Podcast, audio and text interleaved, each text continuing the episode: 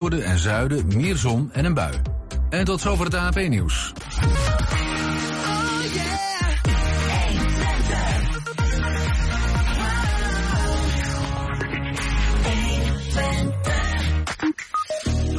Kind kreeg ze de ziekte van Lyme, maar na decennia van toenemende ziekte en strijd gloort er nu uh, hoop voor de Enschedeze Hennen en ze is straks bij ons. Enschede Corné Pot is een grote hit op TikTok met filmpjes waarin hij huisadvertenties op Funda bespreekt. De Twentse zonneauto, zonneboot en shorttrackster Jara van Kerkhoff die namen vandaag tegen elkaar op in een race en wij waren erbij. En in het Twents kwartierken een nieuwe podcast die de Nederlander gaat leren over de geheimen van de tukker en het Twentse land. Het is donderdag 20 april. Dit is 120 vandaag.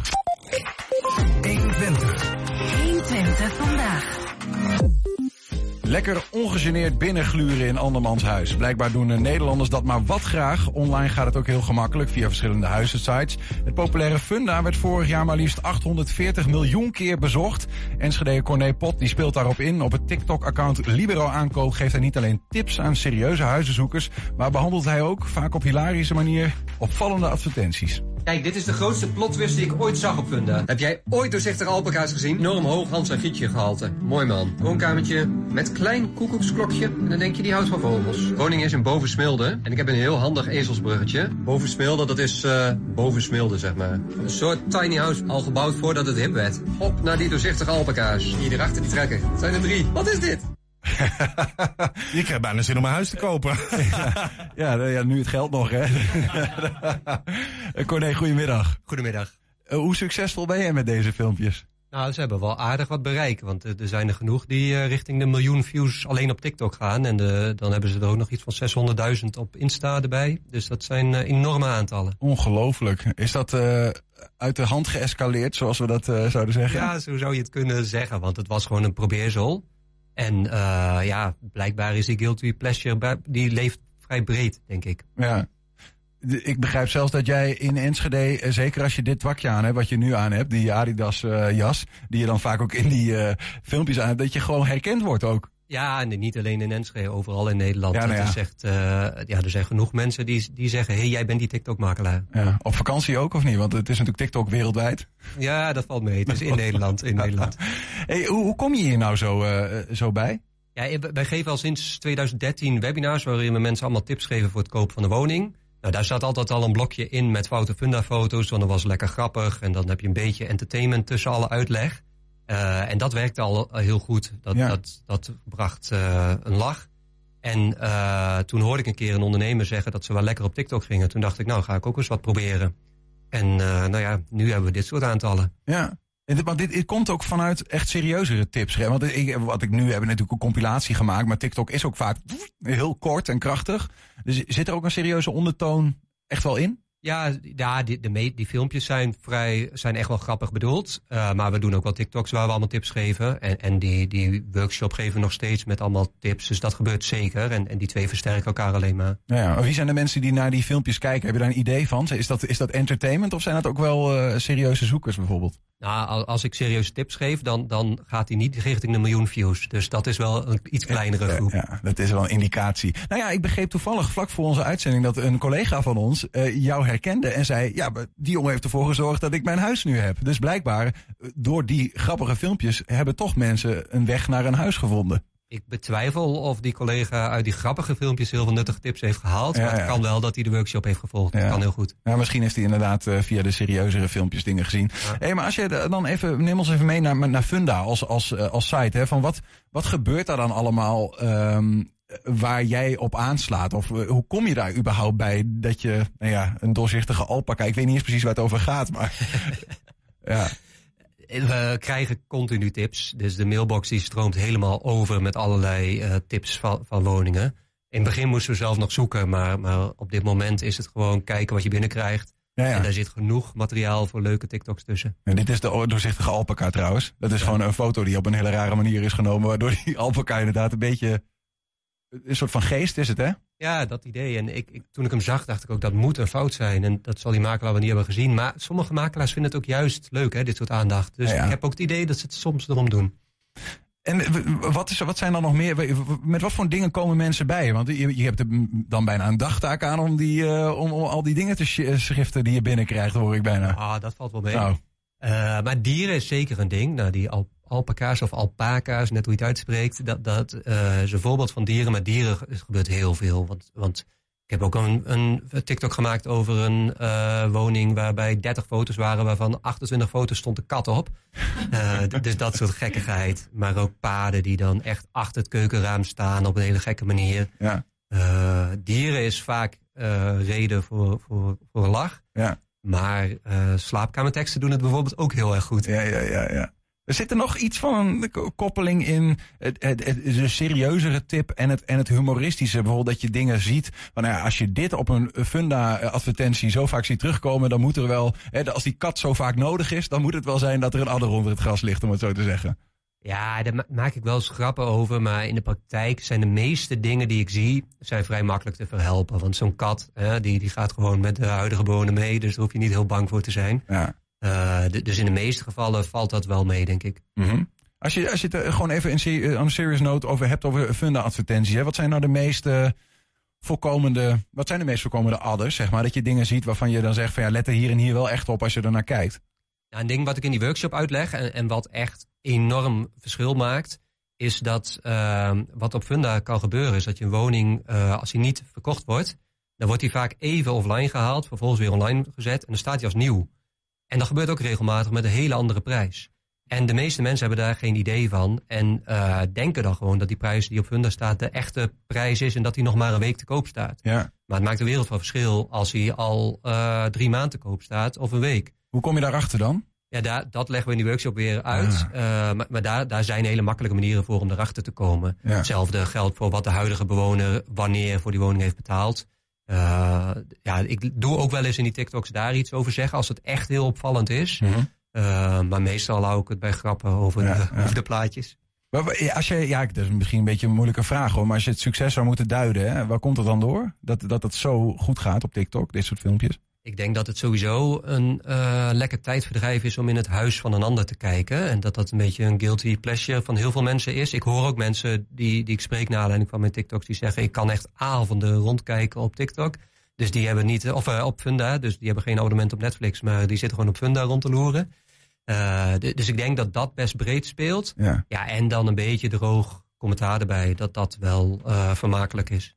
Je krijgt ook regelmatig een, een, een bepaalde vraag van, eh, van je volgers of niet? Of zo van, ja, je zit zo vaak over andere eh, dingen te zeggen. Ja, de me ik denk dat dit het meest voorkomende, de meest voorkomende vraag is. Dat mensen zeggen van, hé, hey, eh, jij zit alleen maar over huizen van anderen.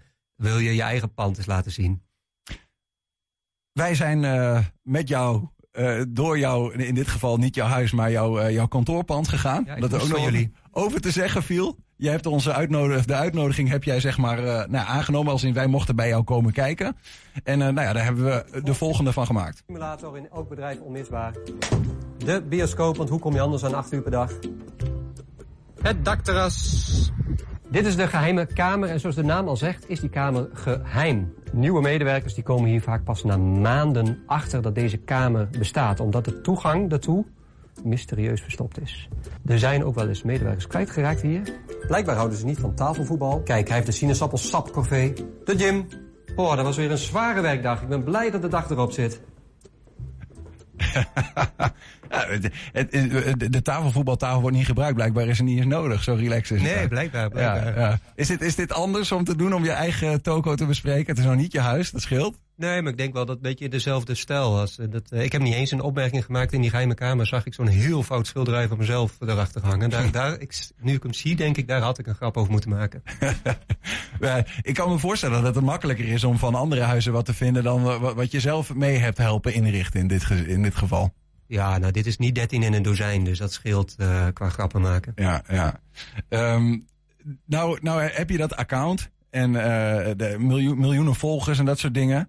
Ehm, Nou. heb, ja, zo, verder. voor, sommige, voor sommige video's komen daar miljoenen views op.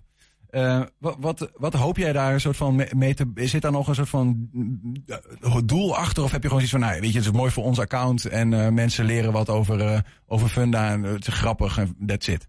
Ja, ik, kijk, er zit een deel van de kijkers die wordt klant bij ons en dat is prima. Maar het is gewoon heel, heel leuk en heel vermakelijk voor mezelf om te doen. Mhm. En zolang het dat is, vind ik het leuk om te doen. Is het, ben jij ook Funda verslaafd? Zelf? Ik denk steeds meer, ja. Ja. Als je dat bij jezelf zou moeten zoeken, want daar hadden we het net natuurlijk even over, hè? Die, die, ja, de soort van behoefte om bij anderen binnen te kijken, of in ieder geval huizen te bekijken. Waar, ja, als je, waar komt dat vandaan, denk je? Het is gewoon grappig om te zien hoe mensen leven, wat voor keuzes ze maken. Ehm, een heleboel dingen zijn natuurlijk ook heel persoonlijk. Ik, ik roep in mijn TikToks altijd dat ik vind dat iedereen zijn boek op kleur moet zetten. En dat zul je in mijn huis ook zien. Je boeken op kleur zetten. Ja, dus dat is een dingetje wat ik dan... en wat waarschijnlijk 99% van de mensen belachelijk vindt als ze mijn huis zien. Ja, zeker als het een serie is van de Zeven Zussen. En dat Ja, de een aan de ene kant staat en de andere andere kant. Ja. Ja. Ehm, dan nog eh, misschien kort eh, aan het eind nog even naar die huizenmarkt zelf. Want eh, ja, je hebt daar verstand van. Ehm er is natuurlijk een hele tijd geweest dat dat booming eh, was. Dat koelt wat af. Eh, als je nu op het punt staat om een huis te kopen, moet je dat dan doen of moet je dan wachten? Ja, ik, ik, deze vraag die, die heb ik afgelopen vijf jaar elk moment gehad. En altijd zijn er mensen die zeggen, ja, nu moet je het niet doen, want, nou ja, twee jaar geleden zeiden ze de prijzen zijn te hoog. De mensen die toen twee jaar hebben gewacht tot nu, die, die balen daar enorm van. Eh, ik denk dat het voor starters de meest lastige tijd ever is geweest. Maar er zijn echt wel mogelijkheden. En als je de historische grafiek bekijkt, hè, van wat, woningprij- wat woningwaarden doen, dan denk ik dat het belangrijker is om een keer een woning te kopen dan uh, dat maar te blijven huren. Perfecte moment af te wachten Ja, bijvoorbeeld. ja het- als je maar ergens langer dan vijf jaar wil wonen, dat is wel een voorwaarde. Want als Ja. je korter dan vijf jaar ergens wil wonen, kun je beter gaan huren. Ja.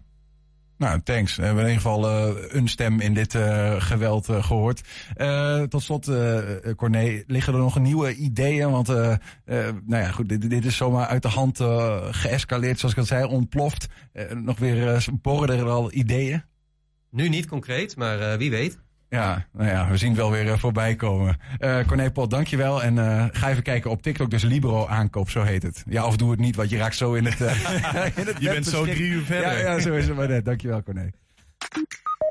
Zometeen, als eh, kind kreeg ze de ziekte van Lyme. En na decennia van toenemende ziekte en strijd gloort er nu hoop voor de Enschedeze Hennen. Maar daar is wel iets voor nodig. 120. 120 Ja, vanmiddag werd aan de Kanaaldijk in Hengelo een race gehouden tussen de zonneteams van de Universiteit Twente, Solar Team en Solar Boat, en Olympisch kampioen en shorttrackster Jara van Kerkhoff. De middag verliep iets wat stroef toen de race zou beginnen en de zonneauto het begaf. Gelukkig twee uur later kon de race toch gehouden worden. Zonneboot versus zonneauto versus een Olympier. Hier hebben we een impressie van die middag, eh, want eh, ik was er zelf eh, vanmiddag bij aanwezig. Die beelden die zien wij hier nu. Ehm, de, de middag verliep eigenlijk vrij traag, want het is nou eenmaal zo dat elke keer als er geraced werd, dat er iets begaf. En eh, eh, dat betekent dus dat er veel oponthoud was. Maar dat mocht de pret niet bederven. Want eh, ik heb ook vo- voornamelijk met het Solar Boat en met het Solar Team kunnen spreken. Ehm, die hebben beide een andere race datum. De Solar Boat die gaat namelijk in eh, eind juli gaan zijn naar Monaco. Om daar een drie dagen te racen. En het Solar Team dat eh, gaat naar Australië. Ook was Olympisch kampioen eh Jara van Kerkhoff erbij. En eh, nu denk je dat is een shorttrackster. Ja, dat klopt inderdaad. Maar die heeft dus tegen de andere gereden, zoals je hier ook ziet, op eh, haar wielrenfiets. Dus eh, eh, dat eh, beloofde veel goed. Het was de eerste keer dat de auto's tegen elkaar raceten. En dat eh, eh, eh, hebben ze uiteindelijk samen gedaan. En eh, het was een leuke middag, Niels. Ja, maar wel, eh, het duurde even. Maar dan had je ook wat. Ja, ik ben vanochtend om eh, half, half elf weggegaan of zo. eh, Ja, en ja. eh, ik ben er net. TV maken is vooral wachten, hè, zeggen ze dan. Ja, dat is ook wel weer zo. Een nieuwe podcast leert de Nederlander over de geheimen van de Tukker en het Twentseland. Straks meer daarover in het Twents kwartierken. We zijn ook als, zelf als podcast te vinden. Op alle bekende platforms vind je ons. Dat is de 120 vandaag voor de hele uitzendingen. Maar ook elke dag knippen we één item los. En dat heet 120 vandaag uitgelicht.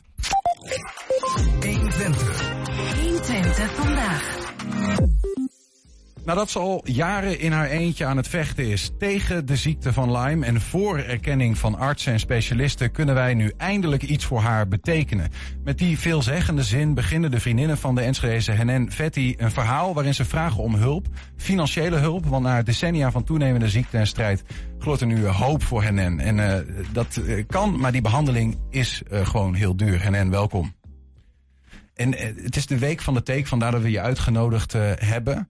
Um, maar dank ook dat je wilde komen. Want het is wel, je geeft, uh, het is kwetsbaar om hier te zitten en om over je ziekte te vertellen. Dat klopt. Als je het over jezelf hebt uh, en het gaat ook nog eens een keer over ziekte en dingen die niet leuk zijn, dan is het niet zo heel fijn om daarmee uh, in de radio-uitzending te komen. Ja. Maar het is ook wel heel belangrijk, denk ik, dat er meer bekendheid komt over de ziekte van Lyme. En vooral voor mij ook belangrijk als ik straks een behandeling kan bekostigen. Ja. ja. Het is het begint bij een, bij een klein beestje, bij een teek. In jouw geval denk ik ook. Ja, klopt. Uh, ik denk dat ik ben gebeten toen ik uh, ongeveer zeven jaar oud was. Um, ik heb de teek niet eens gezien zelf. Uh, maar um, met terugwerkende kracht, als we kijken naar wanneer ik ziek ben geworden, dan was dat na een vakantie in het bos. En grote kans dat ik daar de teek heb opgelopen. Ja. Maar ik heb hem nooit gevonden. Maar dat kan heel makkelijk, want teken kunnen ook loslaten en ze zijn heel klein. Dus je ziet het snel over het hoofd. Ja. Ja. Zeven jaar, je bent nu 32, 25 jaar verder. Het heeft je leven uh, helemaal uh, op de kop gezet. Dat kun je wel zeggen, ja. Denk je wel eens terug van was ik maar nooit op die vakantie gegaan of iets dergelijks?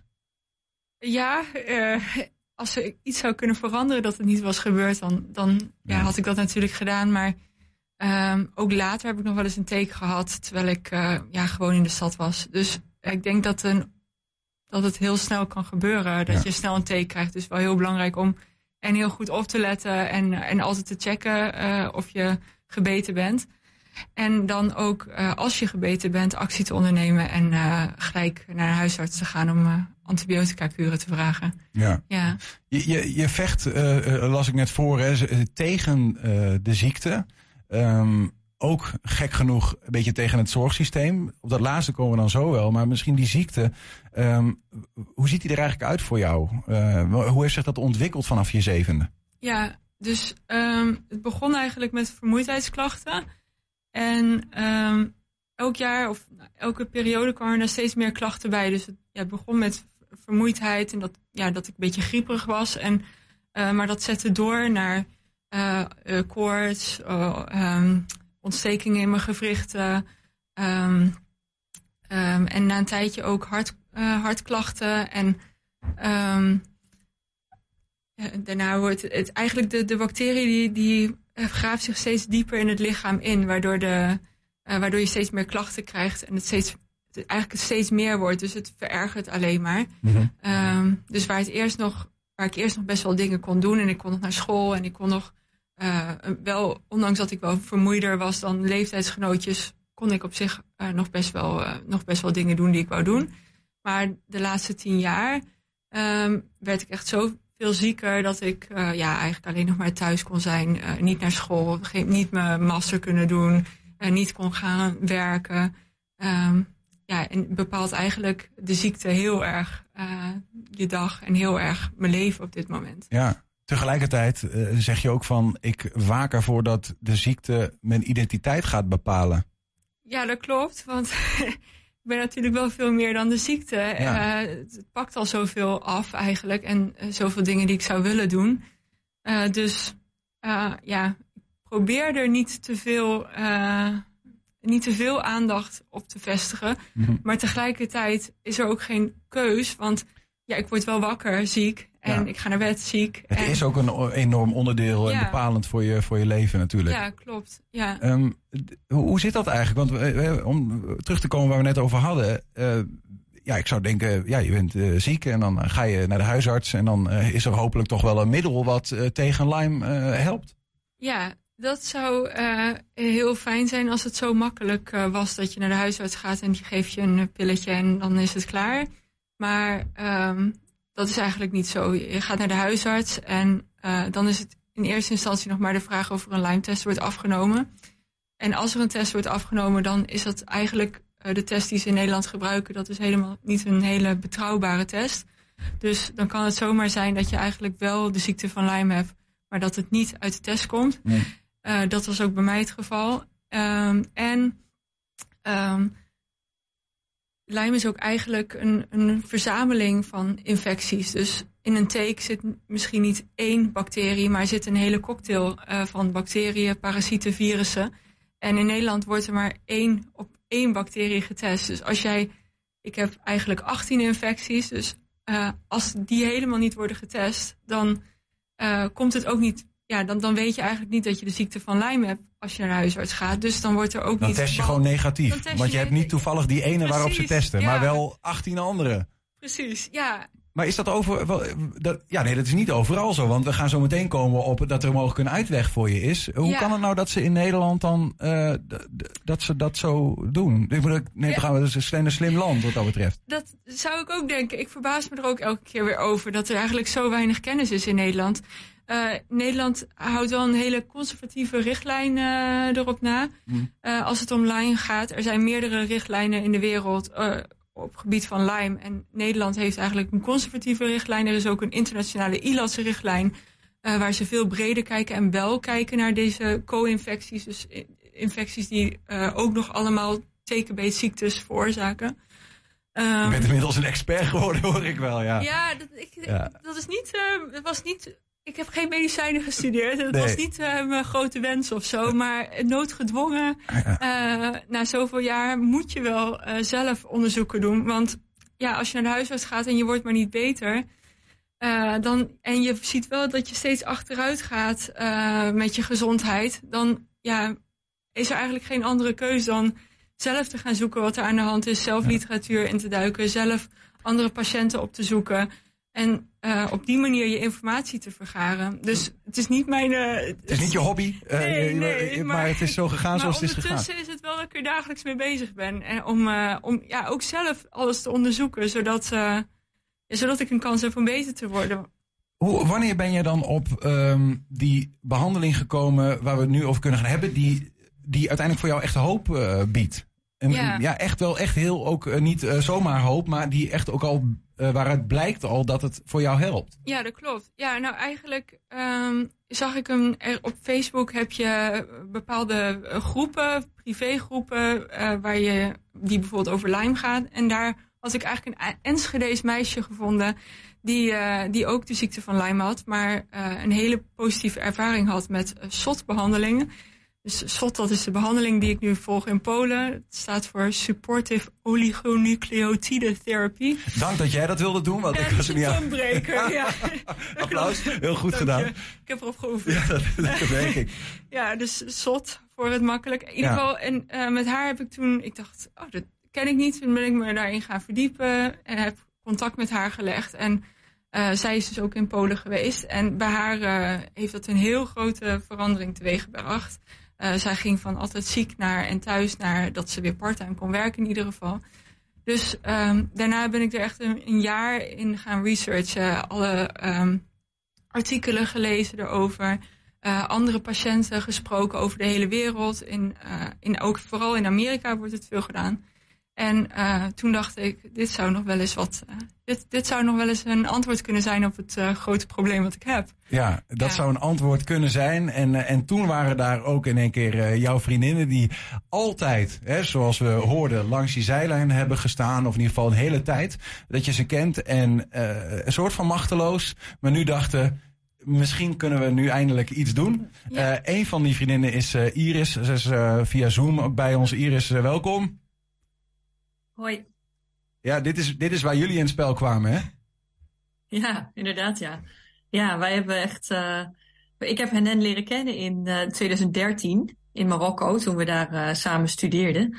En ehm, dat, dat heeft ze dus nog gedaan. Hè? Onderdeel van de bachelor is ze naar eh, Marokko gegaan. Ehm, maar daarna eigenlijk werd ze, dat zei ze al, tien jaar geleden werd ze dus eh, steeds zieker. En wij hebben altijd contact onderhouden, al die jaren. Maar Henen die moest terug verhuizen van Amsterdam naar Enschede om eh, eh, daar dichter bij de ouders te wonen. Ehm, en ja, dus we hebben altijd contact onderhouden, maar we konden eigenlijk natuurlijk nooit wat voor haar doen, terwijl haar leven stilstond en ons leven gewoon eh, doorging. Dus Ja. dat is, was, was heel gek voor ons inderdaad. Nou, we hebben ook een foto om te zien, even die vriendinnengroep. Hè. Ik noem ze even op. Elvira, Brit, Marleen, Nina en Iris. Dat is de hele groep. Jij zit hier dan nu als soort van woordvoerder van, uh, van hen. Um, er is, en dat is waarom jullie natuurlijk meedoen, er is behoorlijk wat, uh, wat, wat geld nodig. Maar het heeft ook te maken met de aard van die behandelingen. Ik weet niet, ja, ik weet niet, Iris, kun jij dat proberen uit te leggen waarom daar zoveel geld voor nodig is? Uh, ja, dat uh, kan ik proberen. En Henen uh, vul me vooral aan als ik uh, iets vergeet, iets belangrijks vergeet. Maar waarom dat belangrijk is, is omdat het dus, zoals Henen al zei, het is een behandeling in het buitenland, die niet in Nederland, dus door de verzekeraar of het eigenlijk soort vergoed.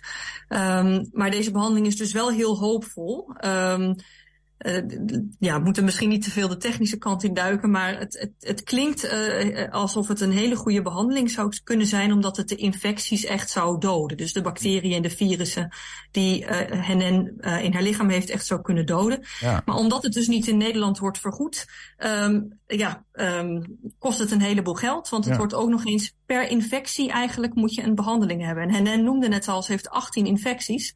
Dus in theorie zou je dan uh, denken dat, uh, dat het misschien ook wel 18 behandelingen vergt om uh, al die infecties uit te roeien. Ja. Nou ja, goed. Dus ja, ik, ik, begreep, zien dat ik, het heel duur is. Ik begreep inderdaad dus per infectie eigenlijk moet je onderzoeken van welke infectie is dat dan. Je moet hem leren kennen. Dat kan, moet in Amerika. Dan moet er een sot infuus worden gemaakt. Ja. Uh, en dat moet dan weer in, in Griekenland. En vervolgens moet dat weer toegediend worden uh, in, in Polen bij een Lyme specialist. We hebben ook een foto van jou uh, bij een uh, met ja bij, bij een infuus. Is dit in Polen? Ja, dit is in Polen waar ik uh, mijn eerste slotinfuus krijg. En ja. eigenlijk waarom het ook zo duur is, is uh, de, het is helemaal gepersonaliseerd. Dus het is een medicijn wat specifiek voor mij wordt gemaakt. Dus eerst wordt er, eerst stuurt mijn bloed op naar Amerika, waar wordt gekeken. Daar, daar zit een uh, gespecialiseerd lab voor tekenbeetziektes. En daar kunnen ze precies zien van wat ik allemaal heb. Dan wordt er bloed afgenomen in Polen, wat op wordt gestuurd naar Griekenland. En dan, uh, de combina en dan zoeken zij precies welke specifieke infectie, welke mutatie, welke ik heb. En daar maken ze dan het medicijn op. Dus je kunt je voor, en dat medicijn, als dat dan gemaakt wordt, wordt weer teruggestuurd. Naar, of nou ja, teruggestuurd, dat wordt naar Polen gestuurd. En ja. dan ga ik naar Polen om het toegediend te krijgen. Ja. Dus het zijn heel veel stappen. En uh, omdat het heel ja, specifiek voor mij wordt gemaakt, uh, kost dat dus ook. En dan is het telkens maar kieken wat wordt. Van uh, wat doet het nou? Ja, ja, maar tot nu toe, ik heb er nu vijf gehad en over twee weken krijg ik de zesde. Ja. Maar die vijf heb ik gedaan en ik heb daarna een bloedonderzoek opnieuw gedaan in Amerika. En daar konden ze zien dat de antistoffen uh, voor deze uh, vijf bacteriën die ik heb behandeld met deze SOT, dit SOT-medicijn, ja. dat die echt significant zijn afgenomen. Dus daaraan kun je wel zien dat uh, deze behandeling bij mij echt aanslaat. En dat dit, dit principe zeg maar werkt voor mij. Wauw. Dat is. Uh, ja, daar ben ik ook blij mee. Ongelooflijk. ja. Uh, ja, en Iris, daar dragen jullie een, een deel aan bij door, uh, nou ja, door geld in te zamelen. Want er is behoorlijk wat nodig. Hè, als je het hebt over dat hele plaatje van nou ja, 18 infecties. Het klinkt altijd zo van alsof je 18 infecties bent. Maar gewoon de, waar jij mee kan, daar moet 45.000 euro voor bij elkaar worden geschraapt, begreep ik. Iris. Uh, ja, dat is inderdaad wat we van tevoren uh, hebben berekend, of wat Henen eigenlijk heeft uh, uitgezocht. Dus dat is het streefbedrag waar we nu naar streven. en daarmee hopen we heel ver te kunnen komen. Maar 45.000 euro is natuurlijk heel veel geld en daar kunnen we heel veel vrienden en familie en uh, die zijn allemaal heel betrokken en uh, denken allemaal wow wat een goede zaak. Maar ja, daar haal je natuurlijk geen 45.000 euro mee op. Dus we, ja, we moeten echt ook veel breder dan ons eigen netwerk proberen te kijken van ja, wat ja. kunnen we doen om, om zoveel geld op te halen? Nee, we zijn creatief. Ik, ik zag wat beelden voorbij komen van een sponsorloopachtig iets. Wat doe je allemaal om uiteindelijk hen te helpen? Ja, we hebben in uh, januari inderdaad een, uh, een sponsorwandeling georganiseerd. Uh, met de vriendinnengroep in, in Enschede, vlakbij het, het, huis van hen en zijn ouders. Dus we zijn daar begonnen. En ja, het was, het was nee, je ziet het op de foto, het was een fantastische dag in januari, maar de zon scheen de hele dag. En ja, wat vooral zo mooi was, dat we een hele groep um, lopers um, hebben kunnen vinden waarvan het grootste gedeelte hen eigenlijk helemaal niet kende. Dus dat zijn mensen die via ons uh, of weer via, via, zeg maar, hebben gedacht van, oh, dit is fantastisch, hier wil ik aan meedoen. En daar hebben we dus een sponsorwandeling gedaan, 17 uh, kilometer gelopen. Um, en um, al die mensen zijn op zoek gegaan naar sponsoren. Dus op die manier hebben we bijna 9000 euro opgehaald met één actie. Dus het was echt wow. uh, fantastisch. Ja, en in, inmiddels staat de teller, geloof ik. Uh, ja, er is een crowdfunding, komen we zo op. Maar die, die staat al op 21.000 euro of zo. Dus het gaat goed. En, en, en we hadden voor de uitzending even een gesprek met elkaar. Toen zei je, ik wil, ik wil eigenlijk wel graag wat, wat zeggen hierover. Ja, dat klopt. Want ik doe dus zo. Ja. ja. Anders hoor ik mezelf. ik vond het ja, ik zei hiervoor al van uh, dat in Nederland regulier uh, bij de dokter ik niet heel veel uh, erkenning en begrip heb gekregen. Er is gewoon weinig, weinig over bekend en er wordt niet meegedacht of te weinig meegedacht. En um, ik moet heel veel altijd zelf doen. En jarenlang heb ik eigenlijk alles zelf moeten doen. Samen met mijn ouders, samen met mijn familie. Maar voor de rest sta je er wel echt heel erg alleen voor. En ja, zit je eigenlijk op je eigen kleine eilandje ziek te zijn en probeer het te, te organiseren. Mm. Maar het is zo'n grote verandering geweest toen uh, die vriendinnen hebben gezegd: we gaan een crowdfunding starten. Want het, dat, gaat, dat is echt een wereld van verschil tussen van je bent altijd alleen en je zit altijd zelf met je, ja, met je eigen probleem. Ja, met mijn ouders wel. Een onzichtbaar probleem een onzichtbaar, ook van de buitenkant. Precies, precies. En nu, uh, ja, al die support die je eigenlijk al die jaren gemist hebt, die krijg je nu ja, in met bakken over je heen. Het, was heel, ik vind, ja, heel bijzonder van de vriendinnen.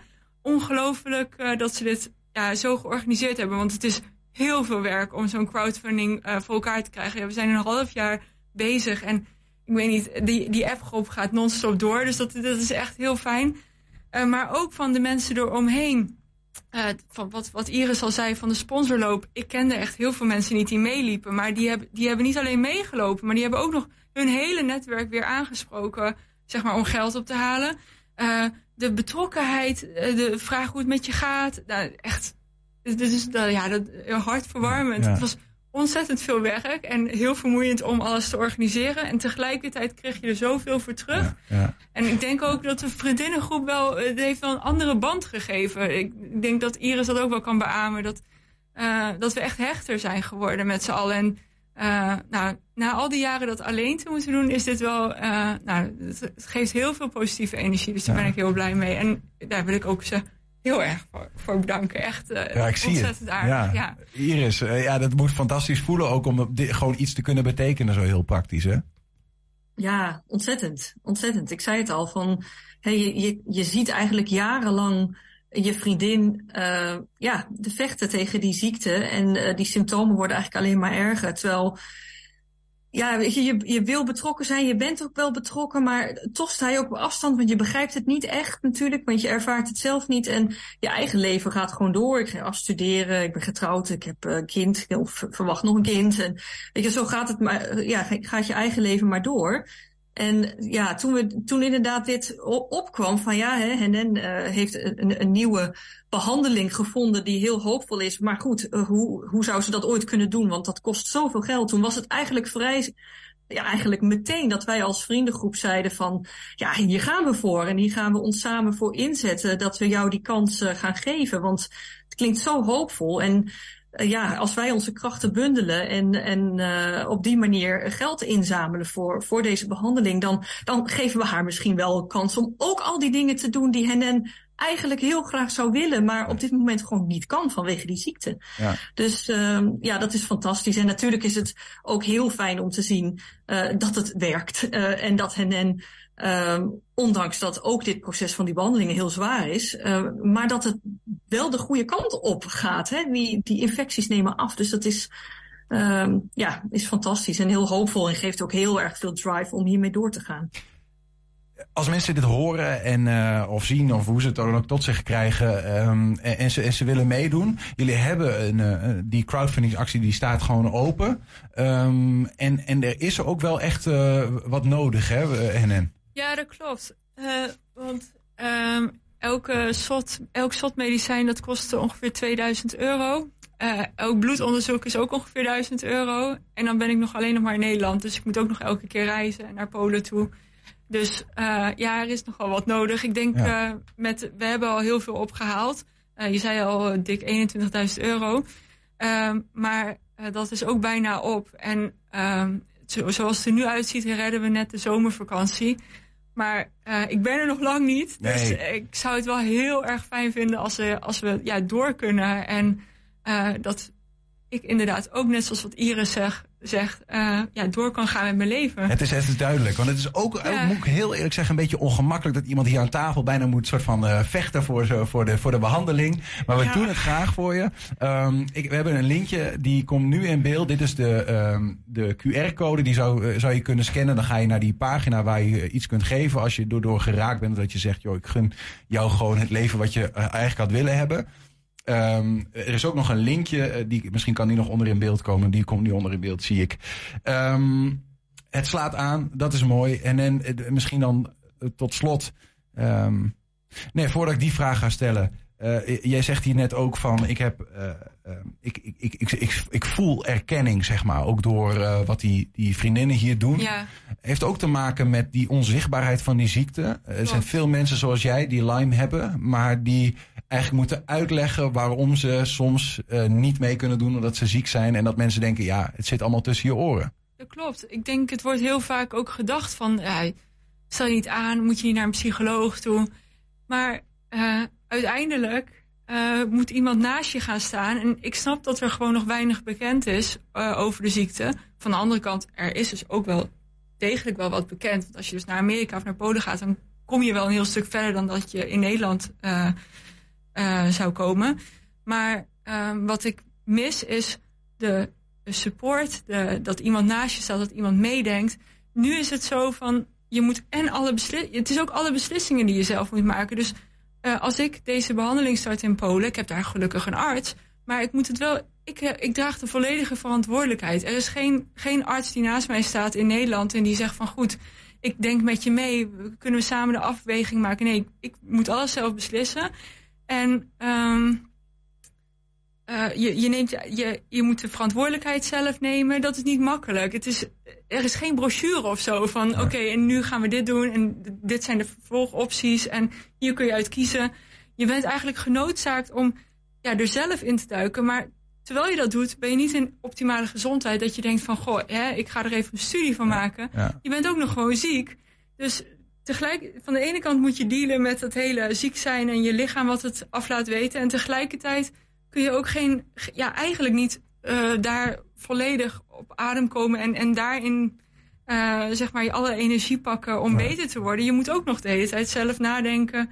eh welk medicijn gebruik ik nu? Hoe gaat dat? Maar de juiste keuzes maken. Ja, ik snap dus het. het is Fijn dat er nu- een flinke Ik, ik, struggle. ik- ja. Dat snap ik heel goed. Fijn dat, er- fijn dat er nu in ieder geval mensen om je heen staan en eh, Ja. nee, dat, dat het in ieder geval eh, gezien wordt. Ja. Ehm, eh, je, hebt, je, hebt, je hebt tegen 18 verschillende ziektes eigenlijk te vechten. Vijf daarvan zijn, zijn nu zeg maar onder behandeling en, Klopt. en, daar, daar slaat het gewoon aan. Klopt, ja. Is nou de verwachting dat het gewoon bij al die 18 dan zo gaat? Of is dat nog niet zo zeker? Ehm, zeker is het niet. Dat, dat verschilt. Het kan alle kanten op gaan. Maar ehm, ik denk ook de arts in Polen die zegt... het feit dat ik over die vijf, bij die vijf eh, infecties die ik nu wel behandeld heb... met, met SOT en dat het zo goed aanslaat... dat laat wel zien dat dit medicijn voor mij eh, goed werkt. Dus ik heb eh, goede verwachtingen voor de andere infecties... Ja. die nog te behandelen zijn. Durf je weer langzaam te dromen? De dromen die je in de ijskast hebt moeten zetten? Dromen, zeker. Ja, nee, dro- dromen durf ik wel. Maar wel, het blijft spannend. Maar als je dan eh, zoveel positiviteit om je heen hebt door, eh, door die vriendinnen en, en alle andere mensen die toch zo betrokken zijn, Ja. dat sleep je wel de dag door. Ja, En en Vetti, dankjewel dat je, dat je bij ons wilde komen. De- eh, dank voor je openheid ook. Dat eh, vraagt veel moed. En ehm, ik, eh, maar ik denk dat ik namens ons allemaal hier bij 120 spreek. We, we wensen je echt het allerbeste. En dat je die, ehm, nou ja, gewoon alles wat je nodig hebt bij elkaar mag spokkelen om het gewoon te laten slagen. En dat je die dromen die je hebt, waar mag gaan, eh, gaan maken. hartstikke bedankt. En ook voor jullie bijdrage hierbij. Ja, dankjewel Iris eh, via de Zoom ook eh, dank en succes met alle acties die we wellicht nog gaan komen. En eh, nou ja, dank daarvoor. Succes ermee. Heel erg bedankt. Heb je een tip voor de redactie? Mail het dan eventjes naar redactie 120.nl. Of bel eventjes, dat kan op 053 432 7527. Dat zal ik nog één keer herhalen, dat is 053 432 7527. 120. 120 vandaag. Een mooie streektaal, vind ik mooi. Twents kwartierken. Ja, dit is, slaat echt nergens op. We gaan een rollercoaster. Ja, Ja, dit is je, wel je even- moet wel een beetje, Ja, hè? ja, dit is wel even een ding. Eh, we gaan van het een en het andere. Althans, het was natuurlijk wel ook wel een vrolijke notenafsluiting. Dat het gewoon eh, werkt allemaal voor hen en. Ehm, maar we gaan, we gaan, we gaan gewoon naar Twents kwartierken, Adrie. Zeker. Ehm, ik, ik, zit- ja, ik, zit, ik zit in één keer af te vragen wat de ziekte van Lyme in het Twents zou zijn. Maar dat slaat natuurlijk nergens op. We gaan, we gaan verder. Ehm, eh, wij, gaan van jouw Twentse taal leren. Eh, dat doen we iedere week. Ja. Eh, en dat doen we ook aan de hand van het thema. Komen we zo op. Maar eerst even terugblikken. Vorige week in het Twents kwartier. En de volgende vier woorden. Ja, wat was dat ook weer? Oh ja, Bung. Dat was trainen. Het ging natuurlijk over de marathon hè, van Oh ja, dat was hem, ja. Oh ja. Dat was hem. Dan was eh, Basken. Dat is rennen, een beetje onbeholpen lopen. Mhm. En dan hadden we eh kukelen, dat was struikelen. Ook wel misschien te makkelijk, hè, kukelen, ergens er vanaf kukelen. Ja. Hè. En het laatste woord, dat was krukoor. En dat was kruiwagen. Hoe noem je dat nou? Oh, Huh? oh schroefkoor. Ja, Krukoor? kan ook krukoor zijn. Oh, Allebei trouwens. Oh, ik dat zou dat te denken. Ja, ik, ik denk misschien, eh, je, ze- je En dan bij deze antwoord nummer D, eh, eh, die we niet hebben, maar oké. de krukoor en de schroefkoor. Maar we hadden dit keer de schroefkoor genomen. Ja, ik was vooral verbaasd over Maar kukel, kru- omdat het echt uh, Twents is. Ik dacht dat het gewoon Nederlands. Ja, Ehm, misschien allebei wel. Waarom- Het zal kunnen, toch? Ja, dat is ook zo, ja. Ja. Eh, wij hebben weer een, een nieuw thema dit keer, waar we weer nieuwe woorden uit gaan halen, van gaan leren. Weet je wel, nieuwe Twentse woorden, dat zometeen. Het thema dit keer ehm, is, eh, wordt meegebracht door een meneer die wij eerder vandaag eh, wat vragen daarover hebben gesteld. En dat ging over het volgende. Het echte Twente en haar bijzondere inwoners leren kennen. Of in ieder geval een poging daartoe. Verslaggever Reinoud Meijer van NPO Radio 1 doet het in de nieuwe podcastreeks Het Echte Geheim van Tukkers. Waarin hij in gesprek gaat met Tukkers, over Tukkers en eh, over de streek. Reinoud, welkom. Hoi, dankjewel. Ik wist niet dat wij hier een geheim hadden, joh. Nee. nee, dat wist ik eh, in eerste instantie ook niet. En ehm, ja, het eh, blijkt toch echt zo eh, te zijn, Niels. Ja, ja. Maar hoe kom je er nou zo bij om ons als onderzoeksobject te gebruiken, zeg maar? Nou, dan moet ik eerst even teruggaan naar ongeveer een jaar geleden. Het begon allemaal eigenlijk op, op Mulken, het vakantiepark in, in Zuna. Ehm, ja, waar ze het concept slow living hebben. Hè, dat is in hun ogen eigenlijk echt een Twentse lifestyle. Met andere woorden, ja, lekker, lekker rustig aandoen.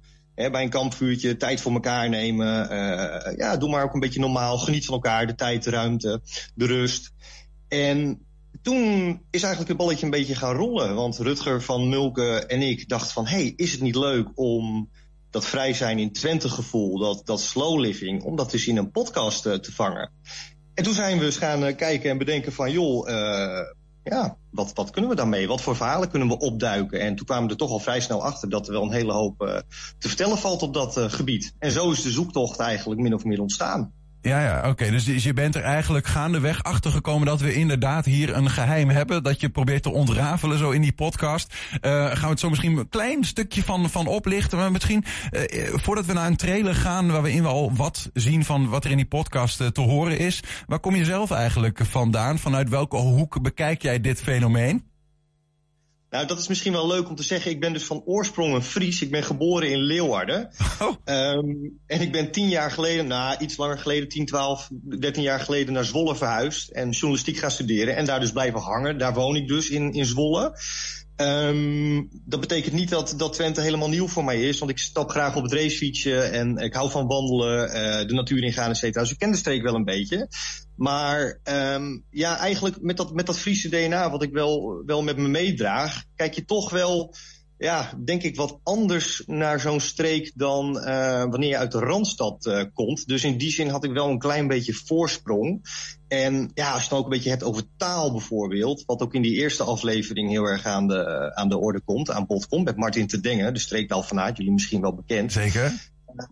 Dan, dan, ja, dan voel je daar toch wel een soort van verbondenheid mee. Hè? Dat Anglo-Saxische, het, het, het, ja, ik, ik, ik kan dan een beetje Fries praten. Vraag me niet om een, om een voorbeeld te geven. Want dan moet ik wel wat gaan graven. Uh, maar um, ja, dan, dan heb je wel raakvlakken of zo, weet je wel. Ja. Dat, is wel, dat vond ik wel heel leuk om te merken ook. Dus, dus um, ja, weet je, um, ja, ik, ik heb ik, hè, dat, dat, een beetje dat, dat plattelandgevoel, de ruimte, de rust. Uh, dat ken ik natuurlijk uit Friesland. Dus dat neem je wel een klein beetje mee. Maar toch is het ook weer niet helemaal vergelijkbaar. Nou, vanuit uh, in ieder geval de, de niet-Twentenaren bril uh, maakte jij uh, deze podcast. En daarvoor maakte je ook de volgende trailer. Even kijken. Mooi, mooi. Ja. Zeg je Twente? Dan denk je misschien al snel aan platteland. Klootschieten. Klootschieten. Eén stoplicht springt op rood. En Herman Vinkers. In Almelo is altijd wat te doen. Klopt ook wel, maar Twente is zoveel meer dan dat. In deze podcast leer je het echte Twente kennen. Ervaar je de ziel van de streek en maak je kennis met de bijzondere inwoners. De tukkers. Ja, een beetje vreemde vogels. Want hier doen ze het allemaal net even anders. Wij gedragen ons altijd een beetje buiten de norm. Hier ben je vrij, wordt gezegd. Hier voel je je zeker vrij, dat klopt. Vrij zijn in Twente. Ben jij net als ik ook zo benieuwd wat dat precies betekent? Ik ben Reinoud Meijer en dit is... Het echte geheim van tukkers. Stukje, stukje al een beetje een idee te krijgen van wat je daar dan in uh, gaat bespreken. Je spreekt ook met tukkers. Even iets uitlichten uit die trailer hoor, Reinoud. Dan denk je misschien aan platteland, klootschieten en Herman Vinkers. Uh, ik, ik dacht dat ze daarbuiten überhaupt niet wisten dat klootschieten bestond. nou, ik, ik kende toevallig al, al wel. Uh, maar nee, klopt, klopt. En ja, het leuke is dus, vind ik, uh, uh, ja, dat ik dus, dat, dat is dus eigenlijk ook mijn zoektocht van wat heeft Twente nog meer te bieden dan, ja. dan dat. Hè? Ik bedoel, enerzijds heb je natuurlijk een beetje dat, dat, dat platte misschien, dat boerse. Moet een beetje voorzichtig zijn ook mijn uitdruk misschien, wat ik ook uit Friesland wel ken. Hè, dat traditionele, het authentieke. En dat is wat ik ook heel erg waardeer aan, uh, aan de streek, aan jullie mooie regio. Maar tegelijkertijd uh, ja, heeft het veel meer dan dat, weet je wel. Het innovatieve, het vernuftige, lef, bravoure. Ja. ook tukkertrots vind ik ook altijd een heel mooi begrip. Hoewel dat dan ja, mondjesmaat wordt, wordt uitgedragen. Dat zou misschien iets meer kunnen en mogen. Hoewel je dan weer de vraag krijgt, is het dan nog echt Twents? Um, maar dat vind ik juist zo leuk aan maar deze, heb aan je, deze zoektocht. Heb je dan ook echt iets gevonden? Want dat, dat is altijd een beetje mijn, dat ik denk van ja, gut, als ik zo om me heen kijk, we, we zijn net mensen hier, weet je wel. In die zin, is er echt iets waar je van, van hebt gezien, dit maakt de tukker nou echt wel anders dan, nou ja, de Fries, dat is misschien een verkeerde vergelijking, want dat is ook weer een volk apart wat dat betreft. Maar, maar dan, dan de rest van Nederland, om het zo te zeggen. Ja, kom ik toch weer een beetje bij die tukkertrots uh, uit, waar ik net al even kort wat over, over zei. Ja. Um, met, met, met passie uh, naar je streek kijken en er ook voor zorgen en uh, daarin ondernemen, daarin leven en dat ook proberen overdragen aan, aan mensen. Hè, de, de Twentse geluk, de gastvrijheid, um, hè, dat, dat, dat wel heel erg voelen, maar het ook in ja, toch wel een beetje die bescheidenheid daar niet te veel mee te koop lopen. En dat vind ik eigenlijk wel mooi, want bescheidenheid uh, siert de mens. Ja. Maar ja, goed, je moet ook, uh, als je toch wil delen met mensen, en dan kom ik in dat verhaal, uh, ja, die verhalen ook een beetje optekenen en, en toch voorzichtig uitdragen. Het is ook wel een ingewikkelde paradox natuurlijk. Hè? Als we hier eigenlijk wel iets te verkopen hebben, maar het vooral voor onszelf houden. En dan moeten er misschien mensen zoals jij van buiten komen die het maar uit ons trekken. Zo voelt het dan bijna. Ja, nou ja, zo heb ik het zelf ook wel af en toe een klein beetje, beetje ervaren. Maar aan de andere kant, ik was overal ongelooflijk welkom. Met open armen ontvangen. Ja. Iedereen vindt het, uh, vindt het superleuk. En uh, nou, een hele hoop mensen uh, hebben er met veel plezier volgens mij aan bijgedragen. Zo ook jullie eigen Adrie Hemming bijvoorbeeld, die ook in aflevering 1 te horen is. Dus um, ja, uiteindelijk is mijn ervaring ook wel weer, als je naar Twente gaat en je neemt ook een beetje de tijd daar. je, je, je moet niet gehaast zijn daar, je microfoontje aanslingeren en hupsakee, uh, neem maar een paar verhaaltjes op. Ja. Als je daar de tijd voor neemt, uh, de rust voor pakt, uh, nou echt, echt ook, ook geïnteresseerd bent in de mensen en wat daar gebeurt en wat ze drijft, dan ja, komen die verhalen vanzelf los. En ja, weet je, um, soms duurt het dan even ietsje langer, maar dat is juist ook alweer de charme om maar met een hele, uh, heel bekend persoon uit Nederland te spreken. De Nederlander uh, bestaat niet. Uh, als we die naar Twente trekken, bestaat de Tukker wel? Lastig. Mm, heb je nog even een paar minuten? um, ah, misschien ook wel een mooie teaser. Nou, ja, nou ja, weet je, ik, ik, ik, wat ik dus ontdekt heb in, in Twente is dat Twente veel gezichten heeft. En uh, ja, volgens mij de Tukker ook wel. Maar ja, als je dan toch een poging moet doen, um, eigenzinnig, vrijbuiters, lekker vrij, vrije geest. ehm, samenwerken. Laat elkaar een beetje met rust. Laat elkaar vooral ook in de waarde. En ja, wat ik zelf ook heel mooi vind. Als het niet goed is, dan hoor je het wel. Het echte geheim van Tukkers. Misschien om nog kort even aan te stippen. Hoe ziet die podcast er precies uit? Want de eerste aflevering is eergisteren eh, gepubliceerd. Eh, in ieder geval op de bekendere podcastplatforms. Eh, wat, gaan we, wat gaan we zien? Of horen Ja, het, eigenlijk? zijn dus, het zijn eigenlijk vijf afleveringen waarin ik dus kriskras door, door Twente ga. In gesprek met tukkers over tukkers. Mooie verhalen opdiep, bijzondere verhalen op, ophaal. En ja, we gaan dus overal naartoe. De eerste aflevering is eh, onder andere bij Rijksmuseum Twente en eh, de Museumfabriek. Eh, de Tankenberg komt voorbij. We zijn nog even in Almelo. De tweede aflevering gaat bijvoorbeeld over Twentse kwaliteit, ondernemerschap in het mooie Twentse landschap. Ben ik dus ook te gast bij, eh, bij Mulken, waar ik net al even kort wat over, eh, over zei. En op pad met eh, Maurice Roetgering. Roetgering, moet ik geloof ik zeggen. Ja, zal- dat blijft altijd lastig. Ja, ik denk Roetgering. Als ik dat zo een beetje uit mijn herinnering... Zo, zo heten sommige mensen hier inderdaad Roetgering. Ehm, en dat is dus, nou ja, vanaf, vanaf nu kun je dus die eerste aflevering luisteren. De komende weken volgen dan andere afleveringen. Moet ik het zo ongeveer voor me zien? Ja, om de twee weken komt er een mooie nieuwe aflevering aan bod. Online. Reinhard Meijer, eh, we gaan luisteren. Dankjewel voor het maken van die serie. Ik ben benieuwd eh, wat jij hebt eh, opgediept eh, van de geheimen of het geheim van de Tukkers. Dankjewel. Graag gedaan. Je bent ook wel weer bij betrokken, hè, Adrie? Ja. Manager van alles. Ja, echt. Ze zitten weer in.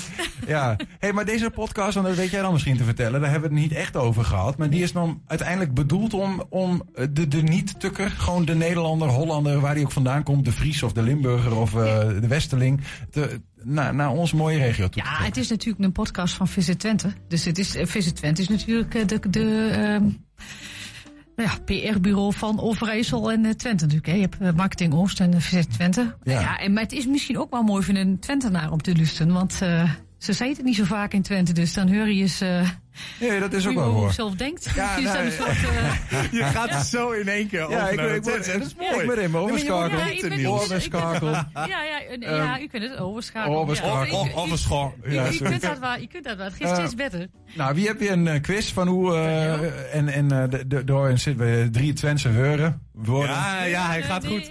heel lang. Weuren? Ja, Weuren, weuren. weuren, weuren, ja. En eh, nou, telkens weer drie eh, Nederlandse betekenissen. net zo. en één is de goede. eh, jullie hadden mij om te beredeneren welke. Ja. Wat is woord één? We gaan allemaal Ja, over het thema natuurlijk. Rieg. Ja. Is dat de hè? Van de, de Twentenaar die toch een beetje bekend staat als. Eh, is het een reeks? Mhm. Of is het stug? Weet je dat ik dus, dat bedenk me ineens. Ik weet dus niet zo goed wat het imago, want dat hoor ik dan in zo'n ding. Dat we blijkbaar een imago hebben van ruig en een beetje anders en zo. Ja, ja ik, ik woon hier gewoon mijn hele leven, ja, weet ik veel. Nou, Ja, maar jij komt ook uit? Enschede, Ja, eh, Niels. Er, Ja. zit er, volgens mij duidelijk verschil Ja, in. Twentenaren en Enschedeërs. Het ligt toch aan waar je woont in hè? nou, Maar, eh, we geven jullie handen. Wat heb jij nou over? En Enschede is toch gewoon een Twentenaar? Er Ja, zit maar al die identificeert Nee, zich je minder als Twentenaar. Wat, wat ik merk, Oh, hè, als ik... oh, oh, oh, Oh, je bent oh. Ik ben wel degelijk een Twentenaar. En ik denk wel dat er verschil zit tussen de Enschedeer en de Tubbergenaar, zeg maar. ja, Degene je van het platteland. Ja, ja, ja, het, het heeft te maken met... Wo, Maar u wo- bent beide Twentenaar. Je bent allebei Twentenaar. En ja. allemaal Norbers. Ja, maar is hij, zeg je van ik ben een Twentenaar, ik ben een Tukker of zeg. Dat zeg je ook? Ja. In het Westen. Oh, dat Ja. is mooi. Oh, Tulk. oh. Ik ben Tukker. Ja, Tukker. Mooi man. Mooi man. Ja, alleen wel een andere tukker dan de Ja, maar plattelandstukken, dat kan denk ik. toch? Diversiteit, eh, dat hoort er wie. Ehm, maar goed, eh, terug naar de quiz. Ja, Rieg. Is dat ik- ruig, reeks of stug? Ik denk eh, deze te weten, want eh, eh, eh, mijn, mijn oma die zei wel eens tegen mij, en nu, weet ik niet of, of ik dat goed heb verstaan, maar die zei vroeger altijd, oh, alleen, alleen Rie geboord. Van een, een, een ruige baard, die moet je even bijwerken. Eh, dus, dus volgens mij is het ruig. Oké. Ik zou reeks ook wel mooi vinden, omdat het re- rijgen, ergens iets oprijgen, riegen. En dan krijg je een soort van reeks aan dingen. Dus ik ga voor reeks. Jij gaat voor ruig. Ja, volgens mij En heeft het antwoord. dat. En ik, aan, aan jou te zien hebben we het allebei fout. Nee, nee, nee, nee. Niels heeft het goed. Ja, Maar dat is een reeks podcast. ja Vandaar? Riek, spot, ja, Rieg, ja. Een Rieg. Mooi. Ehm, Ik ga, ik Nou ga, ja, ik ga wel sorry, even, oma. Ja, eh, Julian, ik ga wel even voor hoe, eh, met hoe in, eh, in conclave wat aan. eh Nee, ze vond ze gewoon, ze ziet, je ziet eruit Ja. als een reeks. Ehm, Ik, nee, een, roer, een roerboord. Woord twee. Ik denk dat ze dat zei. Maar Ja, dat zeker. kan ook, ja. Ja. We moeten deur. Ja, het zit in de pusten. Ja, het zit in de post. Het zit in de pusten. Wat zal dat zijn? Is dat lokaal nieuws? Ja. Dat is altijd lokaal nieuws in Twente natuurlijk. Hè? Ehm, is dat B? Is dat eh, erfelijk? Eh, Dus bijvoorbeeld erfelijke trekjes. Ja. Van dit, we- het is natuurlijk een, het is een echte tukker of is een echte Twentenaar. Of is het... ehm dat was natuurlijk alweer Mysterieus. Ja. Nou ja, C is dus al niet, anders had ze het wel onthouden. Nee, maar- Eh, dat, daar kun je wel schrik in hebben, maar eh, je, weet het nooit. Ik kan natuurlijk ook heel goed bij toneel spelen, hè? Het zit in de pusten. Het zit in de lokaal nieuws, erfelijke trekjes. Ja, Ja, mysterieus van alles wat hier staat lijkt me lokaal nieuws het, het, het meest logisch. Om het zit in de, Bij in de mij post, dus echt in de erf, post. erf, er- erfelijke trekjes. Want? Eh, het zit in de pusten. Ja, ik, ik heb geen idee waarom, maar het klinkt Sterke gewoon als een... argumentatie weer. Ja, nee, maar daar ben ik zo goed in. Jullie Maar zometeen staat er een vinkje voor en dan eh, zijn we weer helemaal goede vrienden. Jullie antwoord heel veel op gevul, hè? Daar krijg je dat van. Ja, dat Groningen, hè? Ik kan dat niet beredeneren. Ja, maar gevoel is zo niet logisch. Maar- ben, ja, maar. ik, ik ben het wel met, met, met je eens dat het waarschijnlijk niet lokaal nieuws is. Omdat het gewoon weer te, te voor de hand liggend is. Ehm, maar ik ga dan toch, ja, weet je, de- ik, ik moet natuurlijk niet met jou meegaan. Nee, je mag wel, mag. Lokaal nieuws, punt. En dan eh, zien we het wel. Adrie. Ja, ja, ik moet toch zeggen dat uh, Julian dit keer gelijk heeft. Ja, want het zit in de pusten. De pusten zijn eigenlijk de balken. Dat is de, het raamwerk van de boerderij. Of van een, bouw, een, een bouwwerk. En dat is een soort DNA. Dus het, het zit in de pusten betekent het is, het is erfelijk. Oh, Ja. dat is wel cool. Als, als iemand zegt van het zit in de pusten, dan bedoelen ze daar dus meer van het, zit, eh, het is een familietrekje. het, zit, het, in de in- posten van de boerderij. het zit zo ingebakken. Het zit, het zit in mooi. het geraamte. Ja, ik, zo, snap ik hem. Ja, mooi. Ja, mooi. mooi hè? Heel mooi. eh, romantisch is dat omschreven. Nou, een mooi toch, taaltje dat, dat. Ja, dat is heel mooi. Woord 3. ja, inbust. Het kan ook inborst zijn, maar inbust. Of inbus. Ja. Maar eh, wat zal dat nu weer? Is dat A, is dat. En ze trouwt dan maar Iets met erfelijke trekjes. Ja. Ja. Eh, grote neus en, en een grote kin. Zoals al die koningshuizen, de Habsburgers hadden er last van bijvoorbeeld. Doe dat nou niet. Eh, B, introvert. Of is het C, karakter? Ik denk introvert. Van je houdt het binnen, je houdt Binnen het binnen jezelf. Ja. Zal kunnen, zal kunnen. Ja. Dat is een beetje apart, maar inborst betekent eh, karakter. Dat- Hij heeft, een, eh, eh, hij heeft een mooie inborst, een mooi karakter. Eh, maar ja, is- als het introvert zou zijn, zou je meteen zeggen dat dus Twentenaar altijd een introvert karakter heeft. Zou ik weer een beetje apart vinden. Dus ik vind het raar als het antwoord B is. En ik ga voor C, karakter. Adrie. Ja, en Niels heeft gelijk. Het is karakter. Je gaat lekker uh, Ja, dat is een makkie toch, deze inborst. Ja. Je zei het er nog bij. Ja, tuurlijk. Maar ik kreeg, ik kreeg soms wel eens klachten dat het te moeilijk is. En, dan, en de ene Oh. keer maak ik dat weer wat makkelijker. En Is dat het? Is dat het? En van wie komen die klachten? Oké, we hebben nog een woord te gaan en daarmee geeft Frank de straat op. Goedendag, daar zijn we weer. Twents woord van de week. Twents woord van deze week is sniggen. Is dan antwoord A, slak, B, pinter of C, een? We gaan het aan de mensen op straat vragen. Is sniggen, ooit van gehoord? Wat snuggen? Is, is dat een Twents woord? Ik denk dat het een verrader is. Kun je het in een zin zeggen? Het zal wel, eh, het zal wel pinten zijn dan, denk ik. Een, een slak. Een slak. Geen idee. Sniggen. B. B, pinter. Ja. Hij is echt zo snigger. Ja. Ja, misschien is het wel pinten. Maar dat is snuggen. geen idee. Maar je weet wel wat een slak is. Sniggen. Ja, snuggen, sniggen. Ik weet het niet. Zeg maar, ik wil C. Wel Ik vind C sniggen? dan... eh, Jullie gaan voor C? Ik ga voor B. Oh, snik, een snigger. Sniggen, Oh. Iemand die eh snikt, dat is een verrader. Sniggen is een Twents woord? Ja. Sniggen. Sni sni snikken. Ja, snickers. Snickers, ja. Snickers. Lekker chocolaatje. Ja, slak, hè. Begin ook met een S, snikken. Slak, snikken. We hebben een Twents woord deze week. Deze week is het woord sniggen. Ooit van gehoord?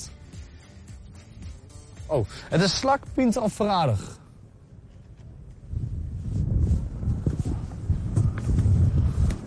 Ik dan uh, verraden. Jij gaat voor verrader. Mevrouw. Neem ik ook C. Ik denk Pinter. Een pinter. Pinter. Waarom? Eh, snugger. Slim, snuggen, sniggen. Precies, dat denk ik. Wat ik denk zou zeggen verrader dan. Waarom? Ja, ik weet het niet. Zo'n zo'n gevoel krijg ik erbij. Ik heb geen idee eigenlijk. A, B of C? Slak. A. Slak. Waarom? geen idee. Het is alleen, dat is geen quizvraag. Waar loop ik met u mee? Wat denkt u? Verrader. Verrader, waarom denkt u dat? Weet ik niet, klinkt een beetje snigger. Heren in de studio, wat denken jullie? Slak, Pinter of Verrader? Je moet die jongen niet loslaten. Nee, nee, nee. nee. Het, echt, het wordt al gekker met deze Ja. vent. Mooi. Gelukkig is het stagiair, hè? ja, ja Nee. kan nog alle kanten op. Eh sniggen, slak, pinter, verrader. Ik, eh, ik heb een van de eh, respondenten erbij zien zitten, die herkenden wij. Namelijk Nicolas Mansfield, de oud-directeur van de Na- Nationale Reisopera. En eh, dat is, een, dat is een, een Brit. En ik denk dat hij zegt snitch. Die, die, dat herkent hij erin. Ah. Snitch en, eh, en verrader. Dus dat vond ik eigenlijk wel een mooie. Ik heb namelijk geen idee. Ik ook niet, maar ik vind dat, eh, ik vind dat een hele mooie. Maar ik kan natuurlijk niet met je meegaan, hè? Nee. Nee, nee zal ik ook niet doen. Pinter. zeg ik Pinter. Gewoon voor... Ja, eh, wordt het mooi slak, woord. let maar op. Nou, Ja, Frank heeft het antwoord. Nou, we hebben genoeg mensen weer gesproken. Sniggen, slak, Pinter of Verrader? Het goede antwoord is toch echt A, een slak. Ja, ik voelde het wel een beetje. Ja, hè? Maar een, een, een, een, een slug is dat toch in het Engels? S-U-L-U-G. S-U- S-L-U-G. Dat is een, eh, een slak. Die... eh, Maar je had natuurlijk de woorden, hè, die heb ik natuurlijk ook zo keuze, dat je een, een andere associatie hebt. Hè. Dit, eh daarom heb ik natuurlijk ook gezegd van... eh, Sneeuw, dat is het. ja. Sneeuw, sniggen. Daar, daarom dacht ik, misschien zou het wel slak kunnen zijn. Maar ja, ik heb niet gekozen, ik had een andere. Vond, vond hem alweer beter. Nou ja, goed, wel weer wat geleerd. Slak. Ehm, we, gaan, eh, we gaan stoppen. De podcast Het Echte Geheim van Tukkers is vanaf nu te vinden op de bekende platforms zoals Spotify. Elke twee weken een nieuwe aflevering. Adrie Hemming, dankjewel. Ja, door. Tot over drie weken, want de komende twee weken zijn we er niet. Tot zover 120 vandaag. Terugkijken, dat kan direct via 120.nl. Vanavond 8 en 10, ook op televisie. Zometeen op de radio, Henk Ketting.